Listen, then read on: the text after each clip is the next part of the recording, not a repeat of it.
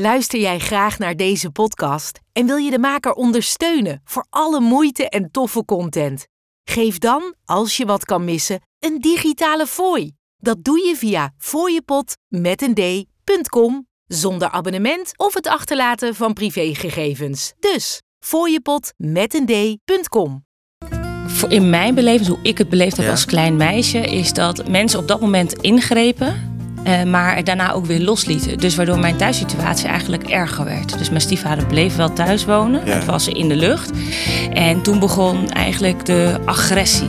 Ja. En ik had een pact met de dood gemaakt. Van nou weet je, eh, als het niet meer gaat, dan maak je er gewoon een einde aan. En dat maakte me weer een heel vrolijk en blij mens. Want ik wist gewoon dat ik weer de touwtjes in handen had. Hadden ze niet zoiets van, Kelly, waar is die gebleven? Nou, die ligt even het toilet te pitten. En vond jij dat je een probleem had?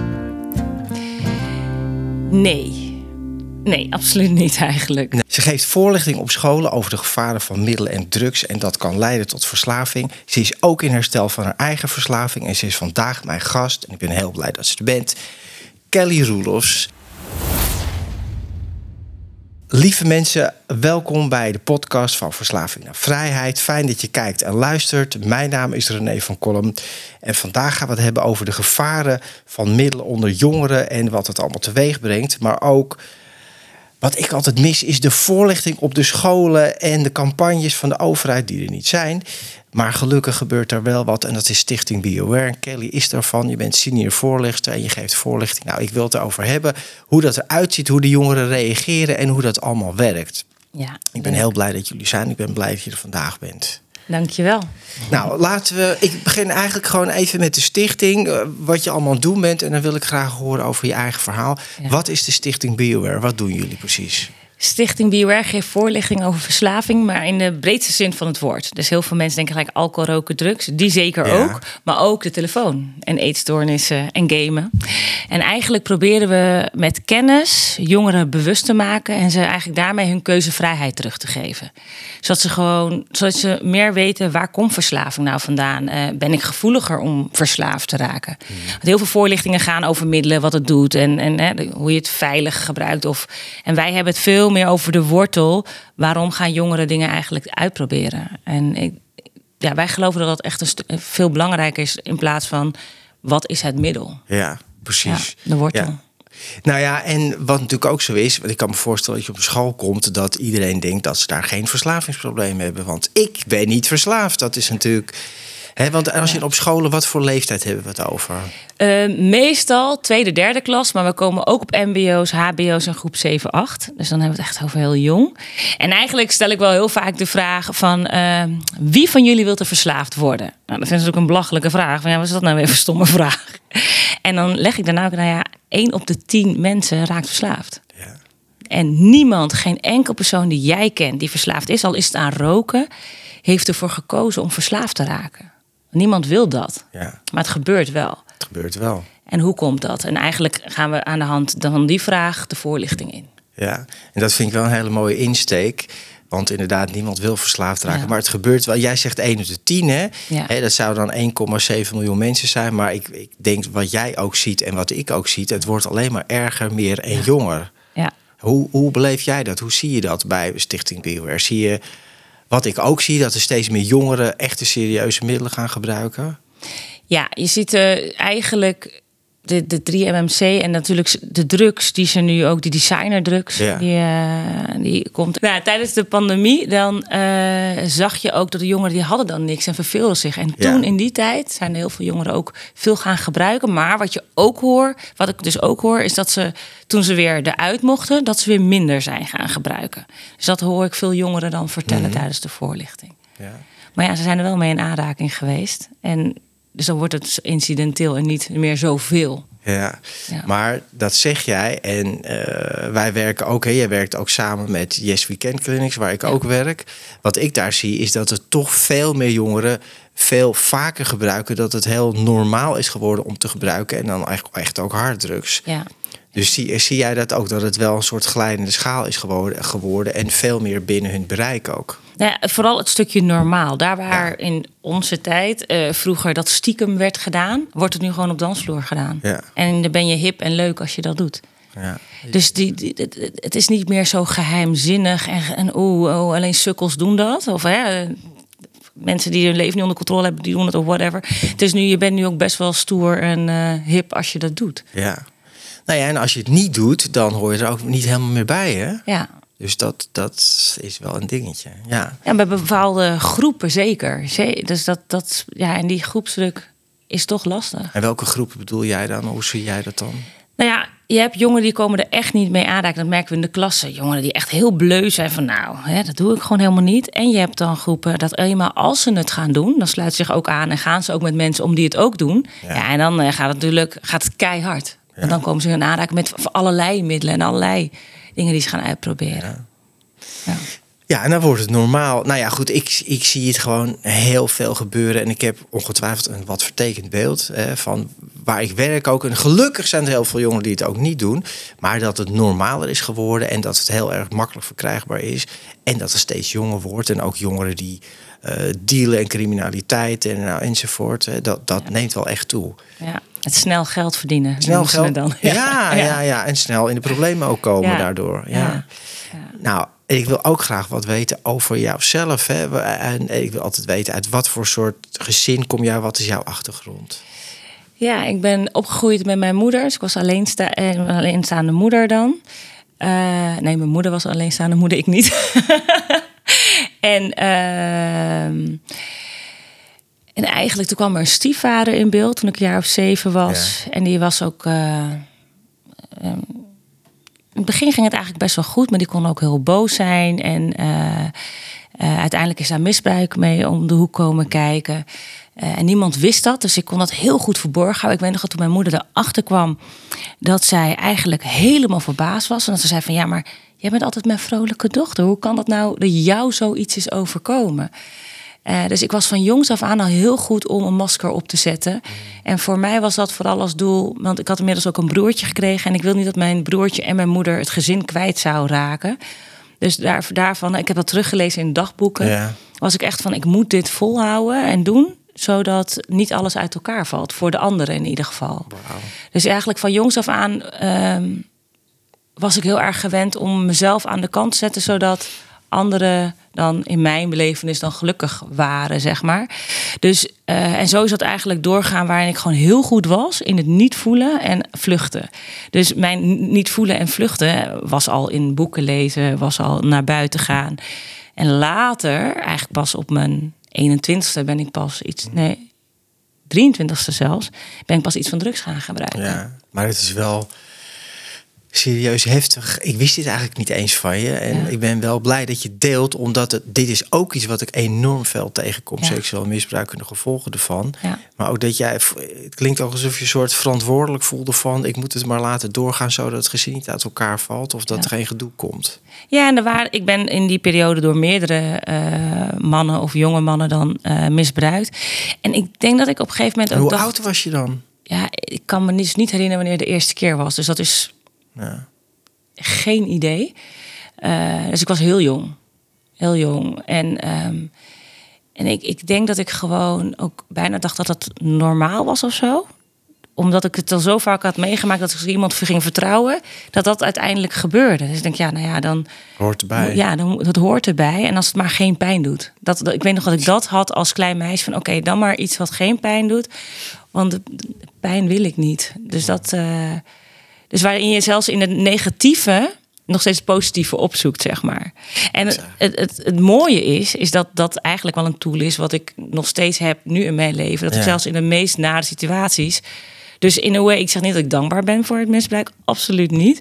Ehm, eh, maar het heeft me ook wel tools gegeven die ik nu in het dagelijks leven ten positieve mag gebruiken. Ja. Nou, ik ben er even stil van, want ik wist het niet. En het is, het is wel echt heftig. Ik ben echt wel heel blij en ik vind het heel supermoedig dat je dat gewoon deelt. Want nogmaals, je bent echt niet de enige, zoals je zelf natuurlijk ook weet. Maar het is wel wat, hè, dat je door vertrouwde mensen in je omgeving echt letterlijk en figuurlijk misbruikt wordt. Ja. En het heeft jou een soort coping opgeleverd om maar dat masker op te zetten Ja. en maar door te gaan. En niet over praten natuurlijk. Dus je moeder wist het ook niet. Nee. En, en Nee. is er op een gegeven moment wel achter gekomen? Ja. En, en, en toen reageerde de omgeving of je moeder erop. Ja, voor in mijn beleving, hoe ik het beleefd heb Ja. als klein meisje, is dat mensen op dat moment ingrepen. eh, maar daarna ook weer loslieten. Dus waardoor mijn thuissituatie eigenlijk erger werd. Dus mijn stiefvader bleef wel thuis wonen. Ja. Het was in de lucht. En toen begon eigenlijk de agressie naar mij toe. Want het was dan mijn schuld dat het naar buiten was gekomen. Het was mijn schuld dat mijn broertje nu geen vader had. En ehm, eh, dat, dat zei mijn eh, stiefvader dan. En dat was zijn belevenis ook. Hè? Dus dat, dat, dat, eh, maar daardoor had ik wel geleerd: oké, praten werkt dus niet. Want als je gaat praten, kom je nog zwaarder in de problemen. Dus ik ging toen al helemaal niet praten. Ja, over van alles, over leuke dingen, maar over echt wat me echt dwars zat. Of wat iets echt met mij deed. Nee, ik ging echt in de overlevingsstand. Ja. Ja. Ja, weet je, het, ik begrijp het helemaal dat je dat zo ervaren hebt. Dat als ik praat, dat is natuurlijk ook vaak hè, waarom mensen niet praten over problemen of dingen aan het licht brengen. Ja, want dan wordt het opeens helemaal moeilijk. Dus Ja. we kunnen maar beter niet praten en zwijgen. ja. Ja, maar dit is de, ja, je herkent ook van, dit is een soort patroon wat ik me dan eigen heb gemaakt. Ja. Niet erover hebben, wegstoppen. En ik denk ook dat het de generatie van vroeger ook wel is. Van, eh, het is veel meer van nu dat er wordt geleerd om te praten, om dingen te delen. Ja. En in ieder geval in de, in, de, waar ik ben opgegroeid, dat praten, dat. dat hè, ook sowieso was het een, bij wijze van wijze van spreken een schande ook. Dus Ja, natuurlijk. ja, daar praat je niet over. En eh, ja, Ja, en, en dat is inderdaad, Ja. vroeger werd er helemaal niet gepraat, denken we. En dat lijkt ook zo. Maar ik kom nog heel veel als familiecounselor, heel veel gezinnen waar nog steeds niet gepraat wordt over van alles. Ja, Hè? ja, Vooral over dingen die een beetje pijnlijk en moeilijk zijn. Dus dat het, is zo jammer. ja, ja, maar het blijft gewoon heel lastig. Het blijft heel pijnlijk en moeilijk. Ja. Dus nou ja, je, je groeide dus op. Klinkt ook wel eenzaam, Kelly. ja. Ja. Ja, ik denk dat ik me ook. Ik kan me nog herinneren als meisje dat ik voelde dat ik heel veel liefde had. En dat ik dacht van ja, maar ik kan het gewoon aan niemand geven. Dus dat gevoel kan ik me nog heel erg herinneren als klein meisje dat ik dat had. Dus. eh, maar tegelijkertijd had ik echt wel een. een ehm, was ik niet alleen. Ehm, ik denk dat ik alleen wel mezelf volledig afsloot. Op bij de echte binnenste, de, de kern, zeg Ja, maar. Ja, daar dus mensen gewoon niet in de buurt liet. En Ja. eh, ik was met ik had vrienden en ik was met mensen en dingen, maar niemand kende de echte Kelly. En ik denk eigenlijk dat ik het zelf ook niet kende. Dus ik miste het ook niet. Ik was gewoon aan het, aan het, aan het overleven. Ja. En ik had een pact met de dood gemaakt. Van nou weet je, eh, als het niet meer gaat, dan maak je er gewoon een einde aan. En dat maakte me weer een heel vrolijk en blij mens. Want ik wist gewoon dat ik weer de touwtjes in handen had. Ja, dus dat is echt wel... Een eh, soort escape. ja, Ja. die had ik gewoon. Dus, dus daardoor had ik kan, kan alles aan. Dus eh, als ik het niks meer vind, dan ga ik er gewoon tussenuit. Dus ja, Ja. dat is alles. Het is best heftig, hè, wat je zegt. Omdat Ja. zo. En, en ik ken jou eigenlijk altijd als iemand die enorm vrolijk is, stralend, eh, levendig aanwezig. Zo was ik vroeger helemaal niet. En bij mij sloeg het altijd naar binnen. Maar dat was het dus ook jou, jouw kopen, jouw masker om zo naar buiten toe te trainen. En hoe ben je, nou ja, goed, je komt in aanraking met drugs door iemand die je kent of een feestje of wat dan ook. En wat was jouw eerste ervaring daarmee? Hoe voelde dat? Nou, eh, mijn eerste ervaring was lachgas. En ik was echt super anti Toen al, want dat is altijd ja, geweest. heel lang. Heel- Ja, ja. dus toen ik 23 was. Dus dat is eh 21 jaar geleden. Ja. ja. En ik, ik, ik- toen de tijd, en dat vind ik altijd zo grappig, dat vertel ik ook Ik in de klas. even de microfoon een beetje voor je gezicht. Ja. Dat vertel ik ook in de klas. Ehm, lachgas klonk ook heel onschuldig. Dus ik was super anti alle andere drugs. Ja. Dat doe je niet. En lachgas, nou ja, dat is lachen. Wat maakt Ja. het nou uit? Dus dat was mijn eerste aanraking met drugs. En dat was met mijn huidige man. En eh dat vond ik vrij onschuldig. Nou ja, en van daaruit eh, kwam er extra na ook andere middelen. Allerlei Ja. andere pillen. Dus er was lachgas, en er kwamen pilletjes en Ja. poeders en allerlei andere middelen Precies. bij. Ja. Ja. Ja. zo gaat het dan. En vond jij dat je een probleem had? Nee. Nee, absoluut niet eigenlijk. Nee? Nee, nee. ik had wel door ehm, dat, het, dat, dat ik niet meer die kon stoppen als ik begon. Dus echt wel. En, en als ik het dan had, dan, dan moest ik. Ik kon nog niet eens het idee dat ik naar huis kon rijden. Ik kon dat. Dus die hele. Dus dat had ik dan wel. Maar ik dacht gewoon dat ik eigenlijk een doseringsprobleem had. Oh ja, ja dat is ook een mooie term. ja, het is een beetje hetzelfde, maar alle gevolgen eromheen, die zag je ook zelf niet. Ja, nou ja, in die zin, eh, ik was dus heel goed in maskers opbouwen. Ja. Nou, dat was ik in dat leven natuurlijk ook. Dus ik eh, had dan door de week had ik een normaal leven. En in het weekend had ik weer een heel ander, leven, leven. ja. En eh, ik merkte wel hè, op, op, op mijn werk, als ik naar mijn werk ging, dan ging ik soms even naar de wc en dan ging ik daar even slapen om daarna weer door te werken. Dus Op de wc. ja, Oké. Hadden ze niet zoiets van Kelly, waar is die gebleven? Die ligt even op het toilet te pitten. Nee, eh, Ja, maar ik had dan tien minuutjes, had ik dan al even Oh, ja, genoeg, of vijf eventjes- minuutjes. Ja, en dan kon ik gewoon weer. eh, ik, ik heb ADHD, dus ik heb best veel energie. dus daarin. ehm, dus, dus daarin merkte ik echt wel dat het dat ik dat ik dat ik, ik begon zeg maar de, de touwtjes eh, los te Ja. Kwijt, de controle kwijt te raken van mijn leven, wat ik in de lucht probeerde te houden. En eh, toen ging mijn partner naar de kliniek. Ik denk, nou, als hij naar de kliniek is. En dat is jouw huidige man ook, Ja, hè? precies. ja. En toen dacht ik, als hij in de kliniek is, nou, dan komt het allemaal wel goed. En dan, Als hij naar de kliniek gaat, Ja. komt het. Ja, want hij, hij was 24-7. Dus ik, Hij, hij was de echte verslaafde. ja, hij was tuurlijk. echt een verslaafde. En ik, ik eh, was een beetje... Mijn doseringsprobleem had ik alleen maar. Oh ja. Ja. Dus toen hij in de kliniek was, heb ik toch weer een keer gebruikt. Omdat ik eh, in mijn hoofd goed had gepraat. Dat ik het een keer moest uitproberen hoe dat werkte en dingen. Heel analyserend was ik toen bezig. En, eh, en toen heb ik, heb ik het wel eerlijk bekend tegen hem. En toen kreeg ik ook een behandelaar van hem aan de telefoon. Want hij zat in Zuid-Afrika. ja. En wel na even praten, zei hij, ja, jij bent gewoon verslaafd. En je hebt gewoon behandeling nodig. Oké, en hoe vond je dat dan te horen? Ja, ik vond het gewoon een enorme vervelend persoon. Want je vond, je vond jezelf niet verslaafd. Nee, en ik denk, weet je wat ik denk wat heel erg meespeelt? Ik was eh 17 toen ik mijn eerste kind kreeg. 17? 17, dus ik was 16 toen ik zwanger werd. Ja, super jong. En heel veel mensen hebben dan een oordeel en een mening van, oh, dat kind moet je weghalen en dat kan je nog niet, je Ja. bent te jong. Dus ehm, eh, ik had altijd het idee dat ik mezelf wel moest bewijzen en Mhm. dingen. Dus om dan te horen dat je verslaafd was, was voor mij wel een teken van, oh, zie je, je bent gewoon, je bent gewoon een loser. Je hebt gewoon toch een rotzooitje van gemaakt. Iedereen zei al dat je het niet kon. Alsjeblieft, je kan het ook niet. En eh, heb me heel schuldig gevoeld naar mijn kinderen, ook tijdens gebruik en daarna. Dus ja, dat, dat, dat vond ik eigenlijk wel het allerlastigste. En, en toen hij zei, zei, je moet hulp, was ik wel ook wel van, oké, daar ga ik er ook voor. Ja. Want ik wilde, wel, ik wilde het wel anders. Ja. Maar ben je toch vrij snel overtuigd van het feit dat je wel echt een probleem had. Ja, Ja. En dat is, ja, maar bij heel veel mensen duurt dat zo lang. Hè? Ik ben niet verslaafd. En eh, weet je, die weerstand daarna, dat is natuurlijk de stap één. Dat je erkent en toegeeft dat je een probleem hebt. Ja. En, eh, waarschijnlijk heeft het ook wel geholpen dat je man heel stoer wel naar een kliniek is gegaan. Ja. Die was er wel al klaar mee. Die, die had zoiets van, dat moet anders. ja, Ja. ja.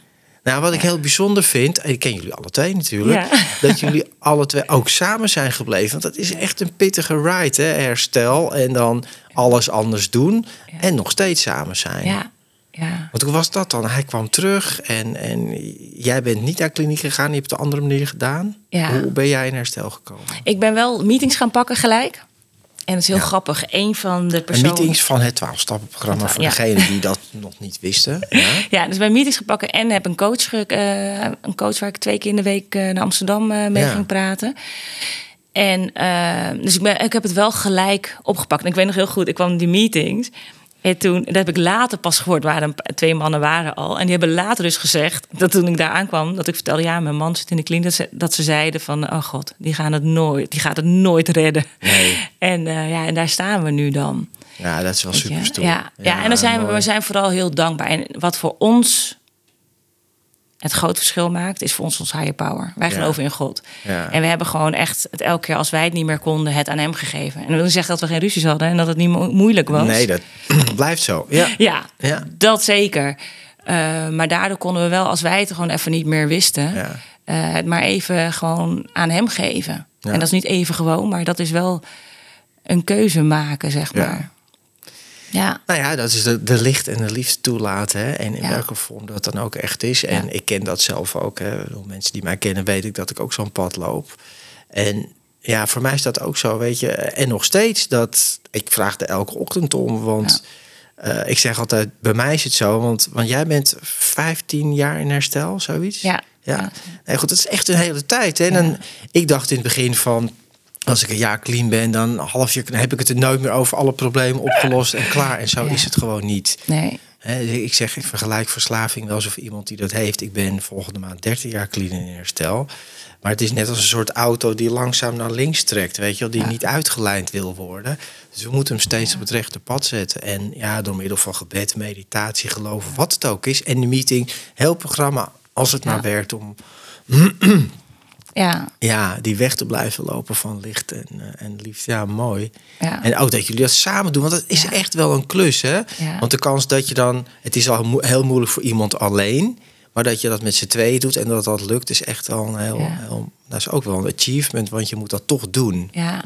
Ja, en daar zijn we ook echt, echt heel dankbaar voor. Maar we hebben allebei echt wel eens een keer op punt gestaan. Dan belden we, we, hadden dezelfde coach in Nederland. Oh ja, lekker dan- handig. maar dan belden we haar op. Ik ben helemaal klaar mee. Ik heb mijn tas mee, dingen. Ik ga. Ik trek het niet hoor. En dingen. En dan, eh, en dan had ze altijd weer wat wijze woorden. Ja. En, en één ding wat zij heel mooi zei. Want ik weet nog dat ik daar ga zeggen. Ik ben er klaar mee. Want eh, er is zoveel gebeurd en dingen. Ja. En toen zei zij tegen mij. Ze zegt maar Kel. Als hij vanaf het dag één lief tegen jou was geweest. En, en dingen. Was je al lang weggelopen. Of hij is altijd lief voor mij geweest, Ja. maar we hebben gewoon in een, een andere wereld gezeten. En, en, en in, in die wereld is gewoon ook destructie. Ja, hij zegt, en als, je, als, als hij een normaal persoon was, gewoon lief en regelmaat, rust en regelmaat. Ik denk dat dat het beste is. Als hij rust en regelmaat had geboden, was ik zo hard weggerend. Hmm. Dus die chaos, dat, dat, dat is ook wat ik natuurlijk ook zocht en opzocht elke keer, ja maar onbewust. weet je, jullie horen bij elkaar, anders, Ja. anders ben je Ja. niet zo lang bij elkaar en je samen dat pad gelopen. Maar nogmaals, het is een heel grote. Ik ervaar dat ook van het wordt je ook gegeven. Maar je moet er ook wel zelf wat voor doen. Hè? Ik bedoel, ja, en dat stuk dat je er klaar mee bent, dat heb ik ook. eh, nou, vooral Margrethe wel eens met mij gehad. En dan, dan kom je er gewoon eventjes niet uit. Ja, dit, Ja. Hoe menselijk is dat? En dat hebben trouwens alle mensen die niet in herstel zijn van verslaving ook regelmatig. Relaties is al, zijn al ingewikkeld. En dan in herstel een relatie met jezelf. Ja, Nou, jullie zijn nog steeds samen en, en alle twee in herstel. En je man heeft Be Responsible. Dat is meer naar de, de zakelijke markt, hè, de werkvloer. Om daar drugs en alcoholvrij. Nou ja, ook super mooi.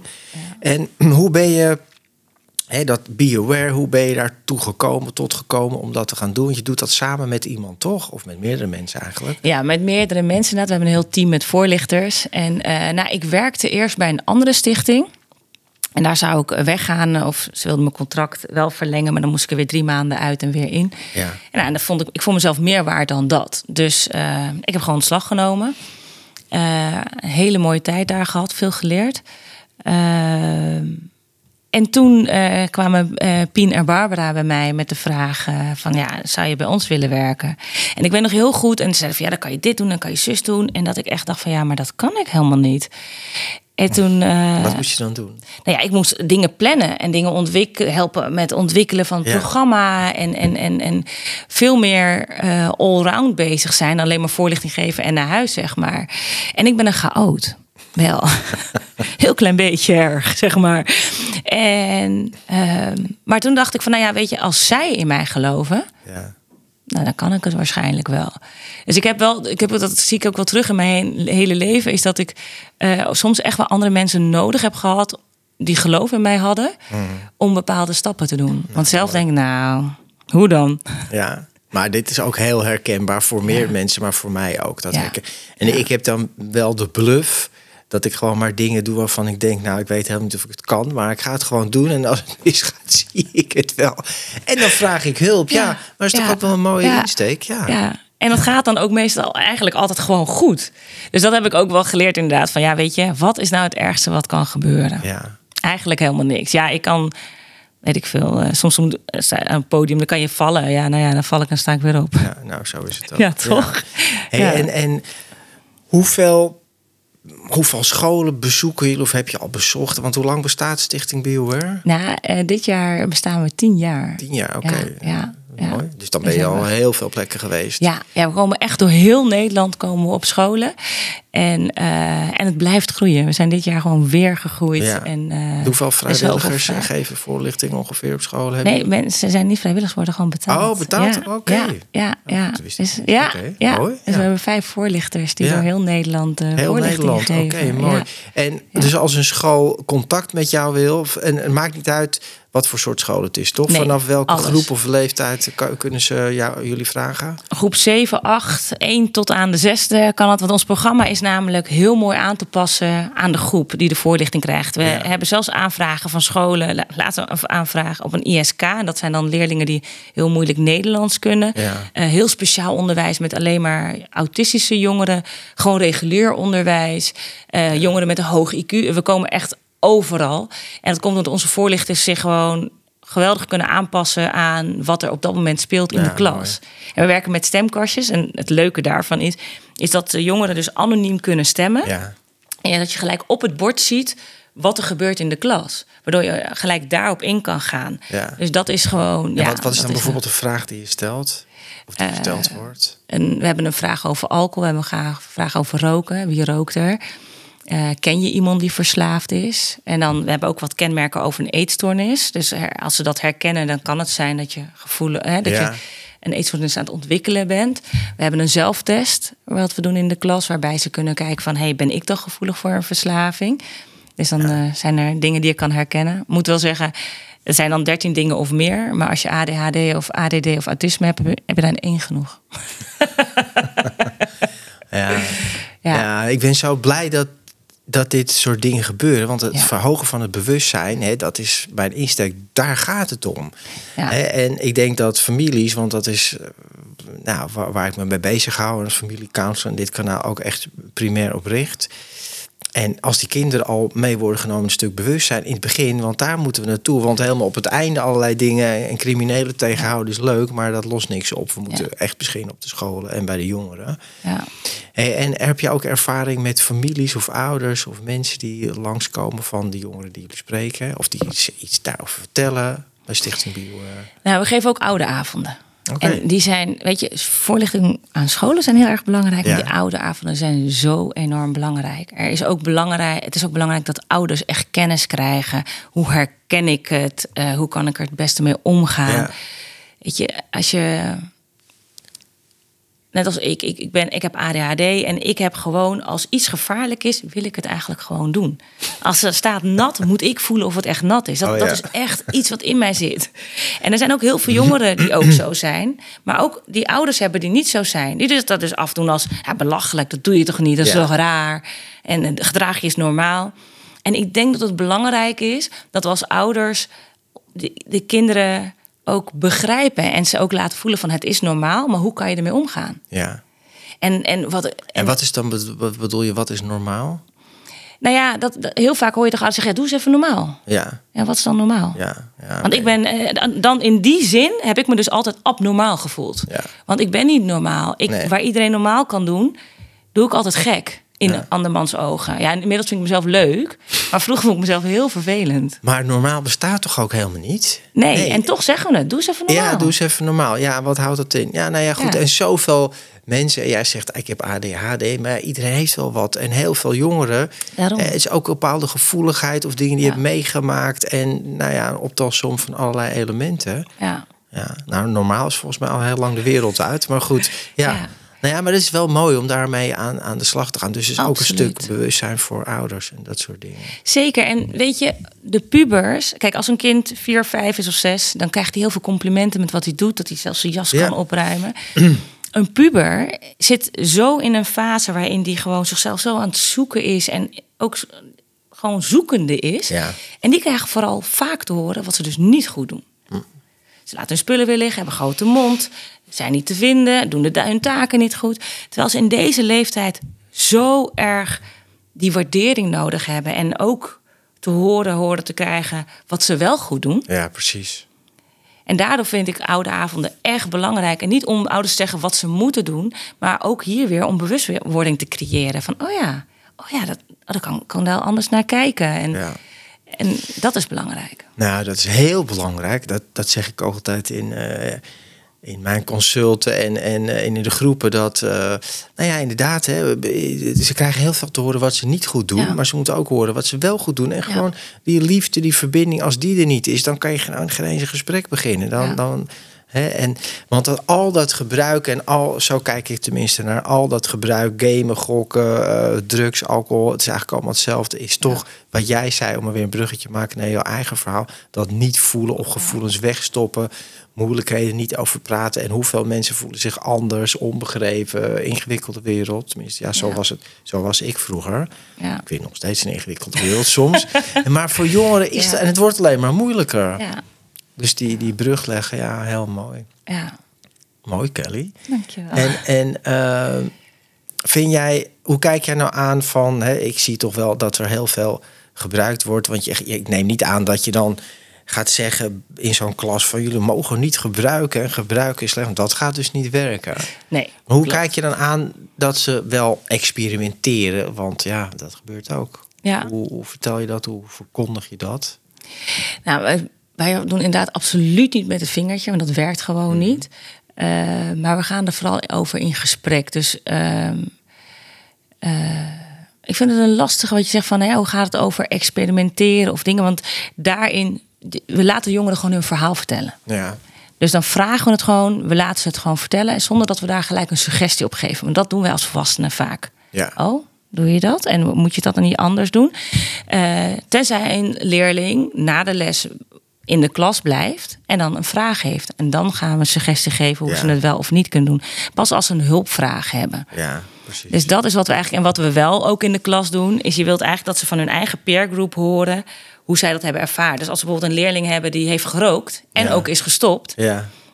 Dan laten we die, die ook aan het woord. In ieder geval alle leerlingen, veel leerlingen komen aan het woord. En het is het beste dat ze van hun eigen leeftijdsgenootjes horen van ja, toen ging ik uh, roken en toen uh, kreeg ik echt een beetje last uh, van mijn conditie en toen ben, wilde ik echt wel stoppen. Ja.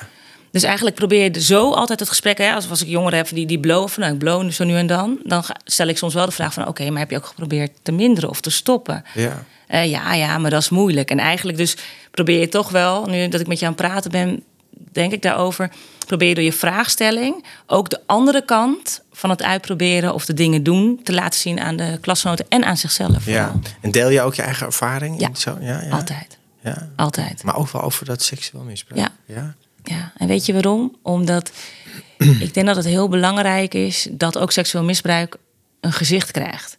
En dan niet alleen een gezicht van iemand die heel erg down is en door het doorheen zit, maar ook een gezicht van je kan, zelfs al heb je het meest erge in je leven meegemaakt, kan je nog steeds gelukkig zijn. En ik denk dat dat een heel belangrijk boodschap is wat ik graag mee wil geven. Dat, dat niet de ergste dingen die kunnen gebeuren, zelfs dan. Ja kan je ook nog steeds gelukkig zijn. Dus je kan zelfs in een nare situatie zijn, zitten en nog steeds gelukkig zijn. Ja.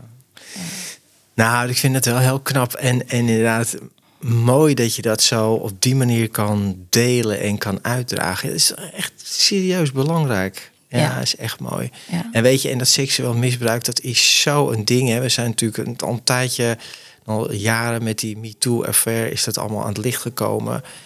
Uh, en zoals ik ernaar kijk, zit er ook een stuk verslaving aan vast. Want mm. ja, seksverslaving en seksueel misbruik, Absoluut. dat soort dingen is gewoon ook. Dat was, vroeger was dat ook allemaal normaal. Hè? En dat je maar alles pakt wat er voorbij komt. En zonder vragen te stellen. En nu, dat kan. Dat kan natuurlijk, heeft nooit gekund. Maar dat dat nu besproken wordt. En dat vrouwen daar ook dingen over vertellen. Trouwens, mannen ook. Maar dat dat gewoon is natuurlijk heel veel schaamte en taboe op, lijkt mij. Ja. Toch? Omdat uh, ja. ik het wel heel stoer dat je dat gewoon vertelt. Ja, ik denk dat, dat mensen ook. Um, en mensen vinden het lastig om de schuld alleen maar bij, uh, bij de dader te zetten. Mm. Dus toch op het moment dat je vertelt dat het gebeurd is, op een of andere manier de vraagstellingen die mensen soms stellen, um, zoeken ze dat er ook een schuld zit bij het slachtoffer. Ja. Maar dat is makkelijker voor mensen om te verwerken. Oh, maar als slachtoffer ook een aandeel, aandeel heeft, ja. kan het mij niet overkomen. Dus er zit ook heel veel uh, victim blaming eigenlijk in. Ja. Van, oh, maar heb je zelf opgezocht. En dat is waardoor een, een, een slachtoffer dat dan ook heel erg lastig vindt. Want hè, er zitten ook gedeeltes die ingewikkeld zijn, gewoon ja. in een misbruik. En daardoor is het heel moeilijk om daarover te praten. Mm. En Ja. mensen willen ook graag niet hun aandeel pakken dat ze verantwoordelijk of dat ze anders hadden kunnen handelen. Dus je merkt dat heel veel mensen het goed praten. Soms dan praat ik ook met familie. En dan hoor ik in één keer. Dat vind ik altijd wel interessant. Dan hoor ik wat het, wat het voor met hun was, waarom ze er niet konden zijn en dingen. Ja. En dan denk ik, ik heb geen enkele keer echt de vraag gehad wat het nou hoe het voor mij was. Ik heb nu wel gehoord wat hoe het voor jou was. Ja. En, en, en, het, en daardoor denk ik ook, ook dat dat iets is wat een hele. Heel veel slachtoffers voelen zich van: oh, ik ben de enige die daar pijn en verdriet aan heeft. ja. Dat is echt niet waar. Nee. Ik geloof zelfs dat een dader daar pijn en verdriet aan kan hebben. En de mensen eromheen. Ook dit is gewoon een groepsproces. ja. Net als eigenlijk verslaving is. Absoluut. Daarom Ja. wou ik zeggen familieziekte. Maar ja, het is natuurlijk geen ziekte. Ja. Maar ook dit. En, en eh, ik geloof ook echt dat degenen die mij seksueel misbruikt eh, hebben... zelf ook gewoon ziek zijn en daar een Nou, probleem mee hebben. 100 procent Ja. zeker, ja. Daarom. Ja. En dat is dus voor hun is het ook... Terwijl, ja, is het ook lastig. ja. Zonder dat ik... Ik vind het altijd lastig om dit te vertellen... omdat ik niet het hun goed wil praten. Eh, maar ja, Ja, maar ik begrijp wel wat je bedoelt. Kijk, de mensen die dat doen. Nou, wat ik heel veel hoor. En ehm, ik wist helemaal niet dat we in dit gesprek zoveel erop in. Maar het is wel, ja, weet je, het heeft, het heeft allemaal raakvlak met verslaving. En Ja. alles wat daarbij hoort. Verslaving gaat niet over eh, middelen, drugs en alcohol enzovoort. Het gaat over duisternis, jezelf kwijtraken, over grenzen gaan. Nou, en dat, dat nou hoort dit zeker bij. Is dat heel veel mensen die, eh, dat hoor ik dan, mensen die seksueel misbruikt zijn, of mensen misbruiken, vaak zelf ook weer seksueel misbruikt zijn. Of, en zo gaan dingen ook maar door. Niks is goed te praten, maar het is ook heel makkelijk om alles fout te praten. precies. Weet je wel, en, en Precies. te wijzen dus. Maar goed, wat ik het belangrijkste vind, wat ik jou heb horen zeggen, is hoe je dat kan omdraaien. Ja. Weet je, want daar gaat het om. Wat je ook meemaakt, of het dit is of dat is. Want Ja. iedereen maakt wel heftige dingen mee. Oké, maar hoe ga je daar nu mee om? Nou, je hebt die hele weg afgelegd met verdoving en middelen en, en toestanden, wat het allemaal niet is. En dan uiteindelijk dat omdraaien en dat wel doen. En nu voor andere mensen wat betekenen. Ja. ja. Ja, en dat doe ik echt. En dat doe ik, maar ik, ik- het is niet zozeer dat ik het doe. Want het, het gaat een beetje vanzelf. Maar vooral vanuit een hele grote dankbaarheid voor het leven. ja. Echt. En dat ik gewoon ook een volledig vertrouwen heb. Dat ik ook alleen maar op mijn pad krijg wat ik aan kan. En dat alles loopt zoals het moet lopen. Het gaat Ja. precies zoals het moet gaan. Ook Precies. al lijkt het af en toe helemaal niet de bedoeling. ja, Is het toch, gaat het zoals het moet gaan. echt. Ja. Want wij als mens denken altijd dat we heel goed weten wat goed voor ons is of wat we moeten doen. En, en eigenlijk weten we het helemaal niet. Nee, je krijgt allemaal lessen eigenlijk op pad, gewoon om ook te groeien. Ja, en, en, en dat is wat ik ook vaak hoor, is dat mensen dan, weet je, dingen die, dat we vaak prijskaartjes zetten op, op dingen die we niet mee willen maken. Oh, dit is vervelend, dit wil ik niet. Terwijl, Ja. als we heel eerlijk zijn, ik heb het meest geleerd van de situaties die niet goed gingen. Nee, herkenbaar. Eh, Ja, daarom zitten we, niet- zitten we nu Ja. hier. Nou, maar, maar zo is het wel. Weet Ja. je, ik kan, niet, je kan dit niet doen en ik kan niet mijn werk doen. En jij kan niet jouw werk doen als je niet weet hoe het is. Ja. Dus alleen dat heeft al een functie. Daarom. En daar kan je weer anderen mee helpen. En daar gaat het om. Ja, Ja. mooi. Hey Kelly, ik wil je bedanken. Ik weet niet hoe lang we bezig zijn. We zijn al een tijd bezig. maar ik vind het een heel mooi gesprek geweest. En lieve eh, mensen die luisteren of kijken, als je dit herkent, ook in het verhaal van Kelly. En ik vrees dat er veel mensen zijn die dat wel herkennen. Eh, als je het wilt delen of in de comments of wat dan ook, of stuur me een bericht, laat het weten. En praat erover, hè, want dat is toch wel heel belangrijk. Als je Ja. iets voor jezelf houdt, zoek iemand op waar je dingen mee kan delen. En eh, nou, ik hoop dat jullie deze video ook delen, dat jullie het liken. En als je nog niet geabonneerd hebt op deze site of dit kanaal, doe dat dan alsjeblieft. Om deze ja, boodschap van hoop en herstel toch te delen met elkaar. Kelly, dank je wel voor het langskomen en Dankjewel, delen van jouw openheid en jouw verhaal. En eh, lieve mensen, dank je wel voor het kijken en het luisteren. En tot de volgende aflevering. Dank je Dank je wel. Luister je graag naar deze podcast? Laat de maker weten dat je waardeert wat hij of zij doet en geef een digitale fooi. Dat kan zonder abonnement, snel en simpel via fooiepot.com. Fooiepot met een d.com